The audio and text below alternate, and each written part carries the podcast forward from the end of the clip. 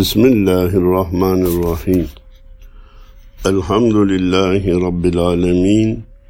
Ve salatu ve selamu ala Resulina Muhammedin ve ala alihi ve sahbihi ecma'in. Erkam Radyomuzun çok kıymetli dinleyenleri, hepinize hayırlı cumalar diliyor, sevgi ve saygılarımı sunuyorum. Malumunuz son zamanlarda yine virüs olayı haberlerde büyük yer işgal etmeye devam ediyor.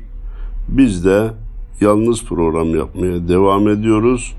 Ama yine de program arkadaşımız Mehmet Hadi Duran'a selamlarımızı iletmeyi vazife biliyoruz. Nasip olursa bugün Ufuk turunun 42.sini arz etmeye çalışacağım. Yine Abdurrahim Karakoç Üstad'dan devam ediyoruz. Onun şiirlerinden seçtiklerim bitinceye kadar devam edeceğiz. Ondan sonrayı bir müzakere edeceğim inşallah. Efendim, Abdurrahim Karakoç Çarpık Çağ isimli şiirinde neler diyor biraz sonra göreceğiz de.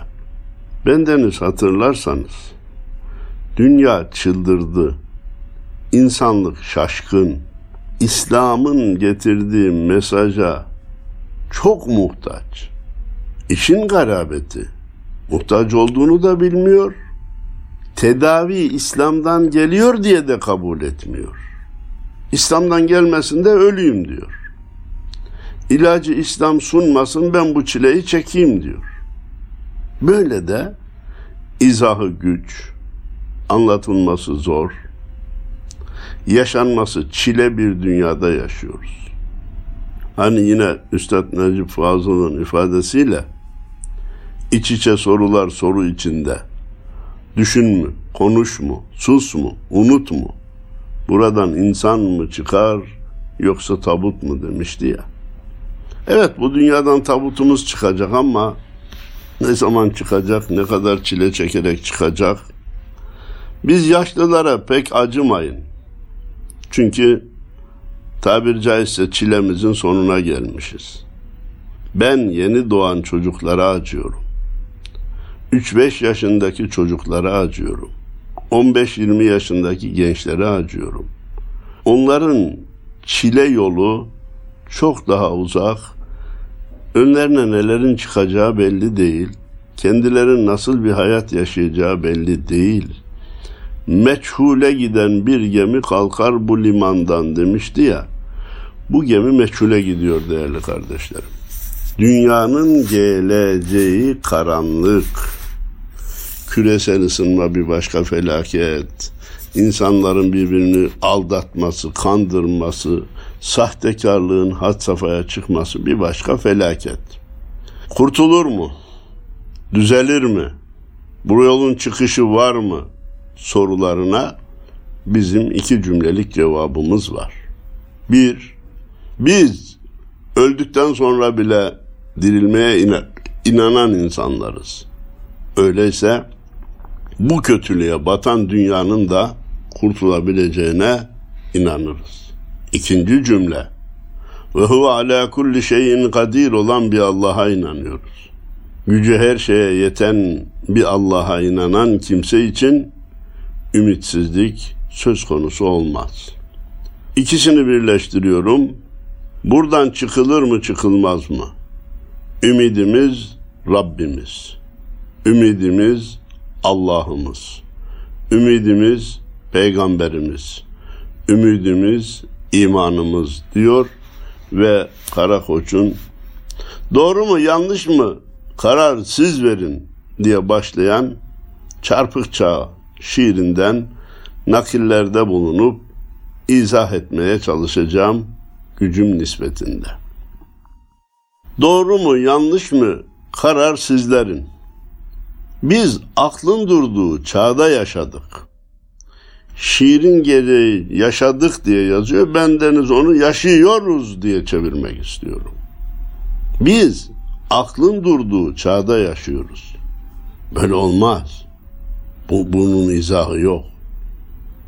Koca Amerika'da seferin birinde yarın ne yapacağı belli olmayan tutarsız bir adam bulunup başkan seçiliyor. Öbür seferde ayağı mezarın kenarında sanki koca Amerika'da genç başkanlık yapacak bir şey kalmamış gibi e, ayağı mezarın kenarına gelmiş. Bir, diğerinden biraz daha akıllı ama tutarsızlığı devam eden bir başkası getiriliyor. Ya bunun aklı izahı var mı? Benim derdim Amerika değil. İnsanlık çıldırdı ne yapacağını şaşırıyor. Bunca imkanlar varken nelerle meşgul oluyor. Devam ediyor Karakoç. Ben dinsizim diyen beyinsizlerin din dersi verdiği çağda yaşadık. Şimdi yaşıyor muyuz, yaşamıyor muyuz? Ben deistim diye gitmedi mi bir ilahiyat hocası? Bir başka ilahiyat hocası kadere inanmak imanın şartı değildir demedi mi? Hala yaşayan bir başka ilahiyat profesörü Allah geleceği ne bilsin, senin kiminle evleneceğini ne bilsin demiyor mu? Ben dinsizim diyen beyinsizlerin din dersi verdiği çağda yaşadık, yaşıyoruz. Çabuk pişsin diye zorbanın aşı, ayran olmadı kurudan yaşı, keçinin kaplana her adım başı kırk tuzak kurduğu çağda yaşadık. Yaşıyoruz. Meçhuller alemi. Kim yapacak, ne yapacak, ne zaman yapacak, kime yapacak belli değil. Kuru ile yaş öteden beri günahsızların da günahkarlar yanında cezalandırılması şeklinde anlaşıla gelmiştir. Bu doğrudur buna yanlış demiyorum ama şurada adam resmen memleketin bölünmesinden bahsedebiliyor. Şurada çıkıp nutuk atabiliyor, alkışlanabiliyor, mecliste temsil edilebiliyor. Bu nasıl bir iş? Kuruluk nerede, yaşlık nerede burada? Hangi davranış kuru, hangi davranış yaş? Gel de çık işin içinden. Baylar çalım sattı, bayanlar etin. Ar duvarı çürük, darbeler çetin. Modern putçuluğun, şirkin, zilletin kemale erdiği çağda yaşadık. Baylar kibirlendi, gururlandı. Küçük dağları ben yarattım gibi gezdiler. Burunlarından kıl aldırmadılar. Bayanlar da vücutlarını açıp ortaya çıktılar. Akıl durur sen bu açık elbiseyle çat diye sokağa niçin çıkıyorsun? Kendini başkalarına niçin göstermeye çalışıyorsun? Evinden bir derdin mi var? Yok. Eşini mi sevmiyorsun? Seviyorum. Peki nedir bu davranışın? İzahı ne? Vücudu ortaya koymanın mantığı ne? Yok, yok, yok. Bakın İnsanlar bazı yanlışları yapabilirler ama bunu da buna da bir izah getirirler. Asrın yanlışlarının izahı da yok. Yaşadığımız çağın yanlışlarının mantıklı bir izahı da yok. Ar duvarı çürük, darbeler çetin. Tamam utanma duygusu çürüdü. Nasıl çürüdü? Göz baka baka müşteriyi aldatıyor. Efendim o ben zinanın aldatma olarak tarifine bile karşıyım. O namussuzluktur. Adam resmen zina eşini aldatmış. Basite indiriliyor. Cicileştiriliyor ve televizyonlardaki haberler, guya sorular, guya çıkış yeri arıyor gibi davranışlar da o kötülüğün, o zinanın reklamını yapmış oluyor Bilerek veya bilmeyerek. Ar duvarı çürük. Darbeler çetin. Vallahi şimdiye kadar 60'tan başlamak üzere çetin darbeleri bu memleket yaşadı. Her birinin zararını gördüğü halde 10 senede 20 senede bir darbe yaşadı. Son malum 15 Temmuz'la da akıl dışı yine izahı mümkün olmayan bir darbe teşebbüsü yaşandı da bu milletin darbeye verdiği cevabı şimdi dünya akledemiyor, kavrayamıyor. Nasıl oldu da bir gecede bunca insan sokağa döküldü. Bir anda hepsi birden siyasi görüş farkı hemen hemen olmaksızın günlük hayat tarzı birbirinden çok farklı insanlar nasıl oldu da sokağa döküldü ve tankın karşısında tankın paletlerinin altına kafasını koyabildiler. Bunu bu da iyi anlamdaki bir davranışın dünya tarafından hala kavranamayışıdır. Ar duvarı çürük, darbeler çetin, modern putçuluğun, şirkin, zilletin kemale erdiği çağda yaşadık. Şimdi bir insana desek ki ya birisi taştan bir şey yapmış, bir heykel yapmış. Gidiyor ona Allah diye tapıyor, ibadet ediyor. Her şey onun yarattığına inanıyor desek ya bu ne kadar saçma, böyle şey mi olur, taş bir şey mi yaratabilir diye eleştirir. Şirk söz konusu olduğunda inne şirke le zulmün azim ya olur mu? Müslüman şirke girer mi? Şirk çok büyük bir zulümdür deniliyor. Ama bakıyorsunuz ki birisi çıkıp diğerine beni sen yarattın diyebiliyor. Ne oldu kardeşim beni sen yarattın dediğin zaman? Hem şirk hem putçuluk beraber. Falan olmasaydı ben olmazdım, falan olmasaydı sen olmazdın, falan olmasaydı bu ülke olmazdı sözleri modern putçuluğun ve şirkin çok tipik birer örneğidir. Bunların da alkışlandığı, yüceltildiği, hata olarak görülmediği çağda yaşadık, yaşıyoruz. Bazen kör kilitler vuruldu dile, bazen armağanlar kazandı hile. Çeşitli ahlaksızların bile itibar gördüğü çağda yaşadık. Ne dedi? Bazen kör kilitler vuruldu dile. Bu gidişle eğer çatlarsa yürek, dile vurdukları perçinden gelir diyor Üstad Necip Fazıl. O zaman Üstadın işaret ettiği zaman da memlekette Allah demek bile yasaklanmıştı. Bunu söylemek bile suç kabul ediliyor. Ya Kur'an okunması yasaklanmıştı. Bunun binlerce, on binlerce, milyonlarca şahidi var. Yok böyle bir şey olmadı denilebiliyor işte. Aslın şaşkınlığı, aslın çılgınlığı, aslın anormalliği. Bu memlekette yaşandı bunlar. Allah demek yasaklandı. Allahu Ekber diye ezan okumak yasaklandı. Bu da alkışlandı. Bazen kör kilitler vuruldu dile. Dile kilit vurdu söyletmediler. Bazen armağanlar kazandı hile. Falana şu ödül verildi. Niye verildi acaba?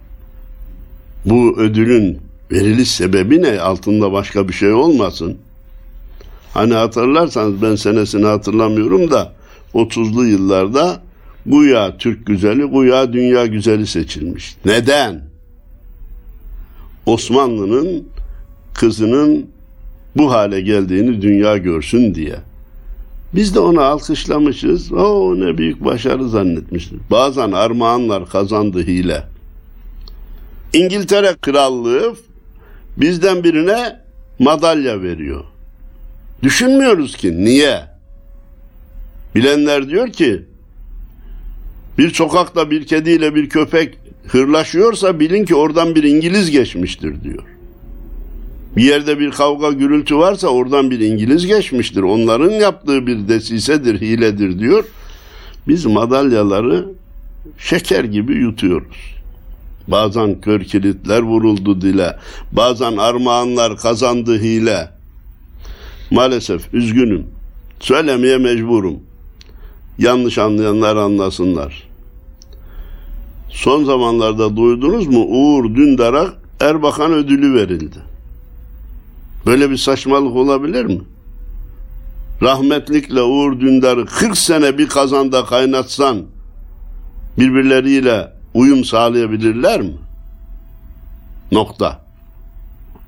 Çeşitli ahlaksızların bile itibar gördüğü çağda yaşadık. Ahlak anlayışı o kadar değişti ki Şimdi ahlaksızlar bile alkışlanabiliyor. Niye? Sanat adına. Çağdaşlık adına. Modernistlik adına. O zaman siz o alkışa da karşı çıkamaz oluyorsunuz. Çünkü karşı çıkarsanız peşin bir suçlama var. Sen çağdaşlığa karşı mısın? Sen moderniteye karşı mısın? Sen geri kafalı mısın?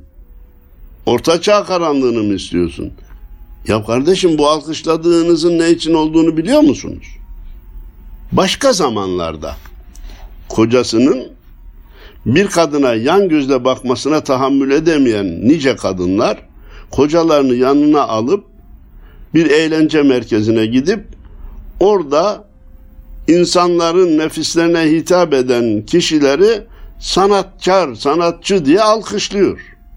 Ya demiyor ki ben başka zaman böyle baksa bile tahammül edemezdim. Şimdi ben bunu niye alkışlıyorum? Ben yan yana kocamla beraber bu alkışı niye tutuyoruz? Vallahi bildiği de yok.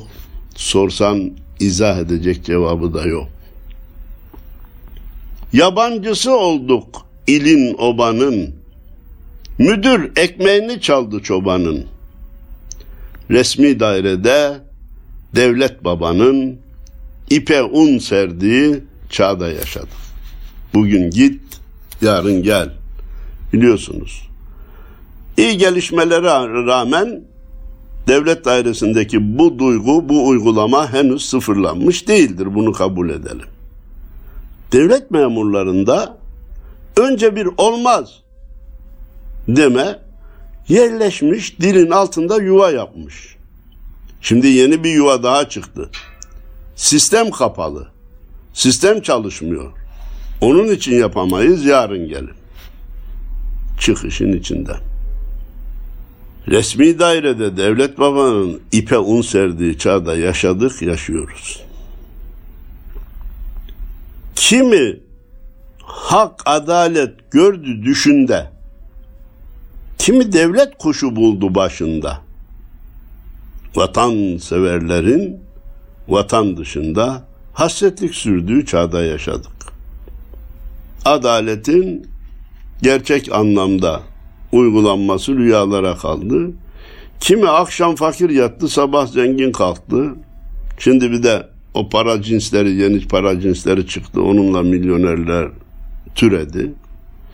Bazı vatanseverler de çile çekti, hapishanelerde süründü, yassı adalarda yattı, çarmıhta idam edildi ya da dar ağacında. Göz yumup izine düştük batının, tuttuk kuyruğundan haçlı atının, pamuk yumağının, tüyün, tütünün nice baş yardığı çağda yaşadık. Gözümüzü kapattık, batının izine düştük. Şimdi meclise bir kanun teklifi geldiğinde o teklifi uygun görmeyenler muhalefet edecek olurlarsa hemen cevap geliyor. Bu batılı uygar ülkelerinde de var. E kardeşim orada olması mutlaka doğru olmasını gerektirir mi? Batılı ülke, uygar ülkelerde de var. İşte gözünü yum, batı ne yaptıysa onu yap. Efendimizin işaret ettiği öyle gün gelecek ki Müslümanlar gayrimüslimlerin girdiği deliğe girmeye çalışacaklar. Tuttuk kuyruğundan haçlı atının. Ya bunlar haçlı. Bu zihniyetten vazgeçmezler. Kendi aralarında ittifak kurarlar. Demedik. Tuttuk ya kuyruğundan. Ha, o bizi nereye götürürse biz de gidelim. Aslında insanın başını sert cisimler yarar. Ama pamuğun, pamuk yumağının, tüyün, tütünün nice baş yardığı çağda yaşadık. Neler yıkmadık ki son olsun diye, harcadık günleri gün olsun diye, asker kaçağının şan olsun diye askeri vurduğu çağda yaşadık. Kendisi vatana hizmet etmiyor. Bir de vatana hizmet eden askere kurşun atıyor. Var mı yok mu? Atıyor mu atmıyor mu? güvenlik kuvvetlerini acımadan öldürüyor mu öldürmüyor mu? Öldürüyor. Onu kınamayanları da baş tacı ediyoruz. Bunlar da canım yasal kuruluşlardır diyoruz. Ya kurşunun yasallığı olur mu? Asker öldürmenin yasallığı olur mu? Güvenlik kuvvetlerini şehit etmenin izahı yasallığı olur mu? Ama ne yapalım? Onlar olmadıkça biz hedefe ulaşamıyoruz. Dilendik, savurduk doları markı. Döndükçe aşındı düzenin çarkı. Şalvarı, kasketi, gömleği, börkü ihtiras sardığı çağda yaşadık. Efendim bir yerde hani derler ya camide dilenir, sokakta da savurur diye benzeri bir söz vardı. Nerede dileneceğimizi de bilemedik. Nerede savurganlık yapacağımızı da bilemedik. Nerede tutumlu olacağımızı, nerede cömert olacağımızı da bilemedik. Şimdi kartlarla alışveriş çıktı ya. Alışveriş merkezine girdi mi? Sanki ödeyecek kendisi değilmiş gibi doldur, onu da at, bunu da koy, araba kayılsın. E tamam, yarın bunun ödemesi gelecek. Kolay var, başka bir e, bankadan kredi alırız, bunu öderiz. Sonra o bankaların çocukların bile aldanamayacağı bir formülle koca koca insanları aldattığı o formülü biliyor musunuz? Borcunuz şu kadar, asgari ödemesi bu kadar. Ha tamam ya. Asgari ödemeyi yapınca mesele halloluyormuş. Bana icra gelmiyormuş. Ya o geriye kalanı faizsiz olarak durduğunu, durdurduğunu mu zannediyorsun? Babasının hatırına durdurduğunu mu zannediyorsun? O oradan faizle para kazanmak için şu kadarını öde öbürünü ödemesen de olur diyor. Ondan sonra faizi çalıştırıyor. Sen de hem günaha giriyorsun hem faiz e, kazancına iştirak ediyorsun. Sonra o öderken katlandığı için altından kalkamaz oluyor. Haydi bir başka bankadan, bir başka haram kapısından, bir başka krediye başvuruyorsun. İşte böyle bir çağda yaşıyoruz. Döndükçe aşındı düzenin çarkı. Düzenle devleti birbirine karıştıran kardeşlerimiz var. Biz devletten yanayız, düzenden yana değiliz. Düzen gayri İslamidir. Anti İslamisttir. Bunu bilmek mecburiyetindeyiz, öğretmek de mecburiyetindeyiz. Başkaları düzen değişsin diye çok rahatlıkla söyleyebiliyor. Çünkü daha kötü düzeni istediği için. Biz dile getirmekte bile güçlük çekiyoruz.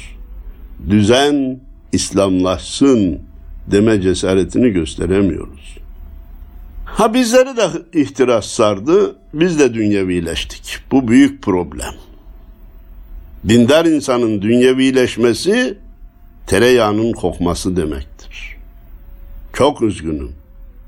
Kimi vurgun vurdu, döndü köşeyi. Kimi yalamakla doydu şişeyi. Kiminin ateşi, külü maşayı, ekmeğe dürdüğü çağda yaşadık. Kimisi bir anda köşe döndü, kimisi ekmeğine soğan katık olarak bulduysa şükretti yaşadı. Kılavuzluk yaptı körü beylerin. Seçimde sağlan sürü beylerin Morg'daki ölüden diri beylerin hal hatır sorduğu çağda yaşadık. Şimdi ismini söylemeyeyim çok meşhur bir gazeteci bir olayı naklediyor da şu kadar yaralı var şu kadar hastanede ölülerden ne haber diyor ölülerin durumu nasıl diyor. Saçmalayacak ya yaşadığı çağın özelliğini gösterecek ya öldü diyoruz daha ondan ne haber soruyorsun. Üstad ona işaret ediyor. Zannediyorum o olaya da işaret ediyor. Morg'daki ölüden diri beylerin hal hatır sorduğu çağda yaşadık. Atladık bir çağdan bir diğerine. Çağ atlama tabiri vardı ya ona işaret ediyor. Çıktık zirvelere, daldık derine. Bazen zirve yaptık, bazen dip yaptık.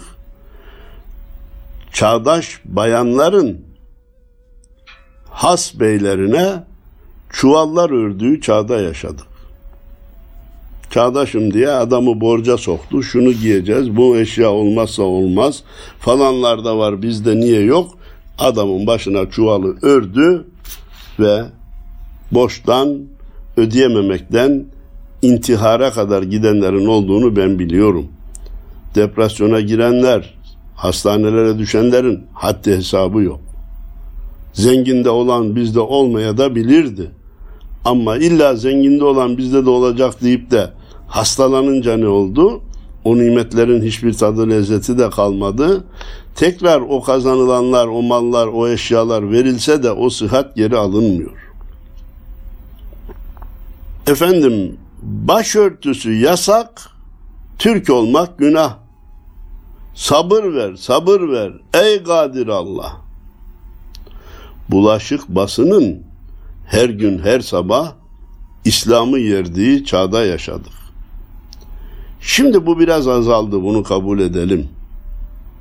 Hala İslam'a hücum etmeyi kendilerinin sermayesi kabul edenler var.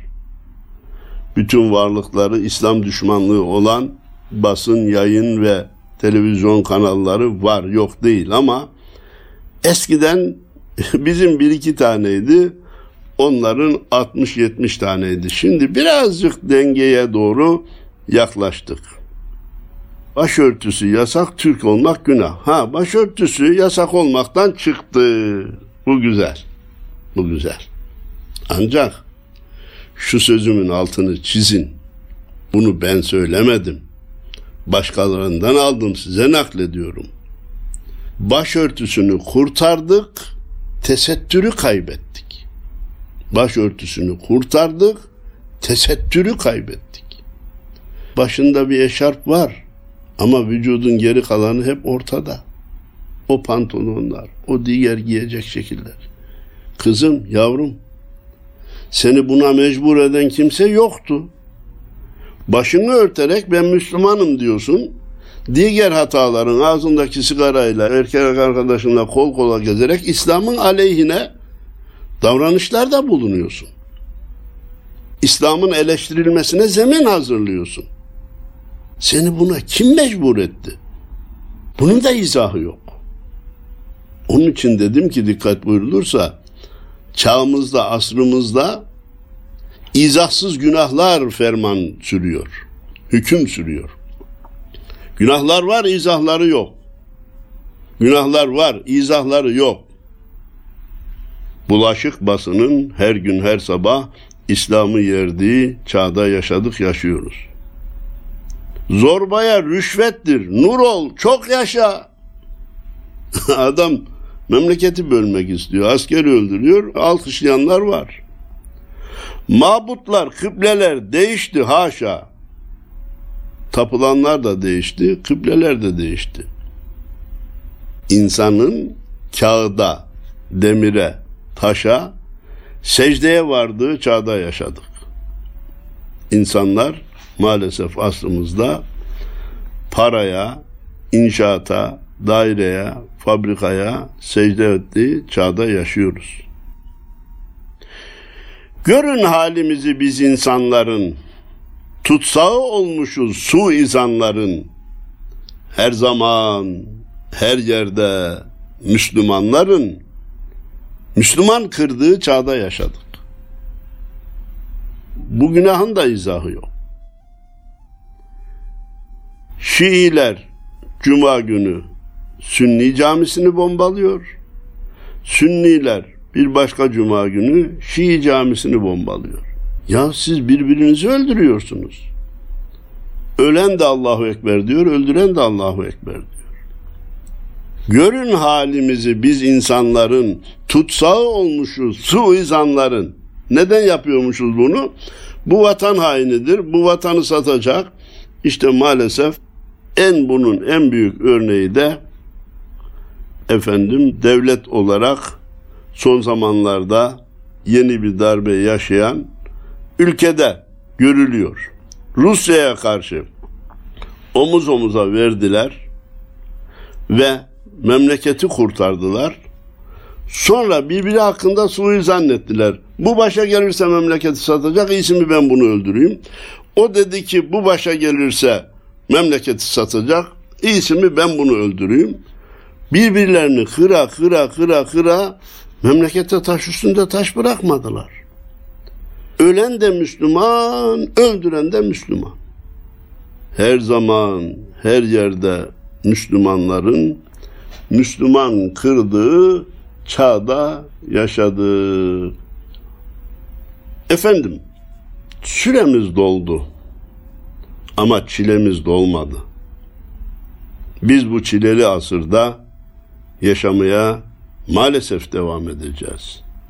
Kurtulmak için Allah'a yalvaracak, dinimize sarılacak, imanımıza yüklenecek, onun tecdidi için elimizden geleni yapacağız. Erkam Radyo ile, Erkam TV ile, diğer dini yayınlar yapan organlarımızla elimizden geldiği kadar gayretimizi hiç eksik etmeyeceğiz. Ne olur ne olmaz. Ne buyurulmuş? Biz seferle görevliyiz, zaferle değil. Biz vazifemizi yapmakla mükellefiz. Netice Allah'a aittir diyor. Hepinize hayırlı cumalar dileyip saygılar sunuyorum. Allah'a emanet olun efendim.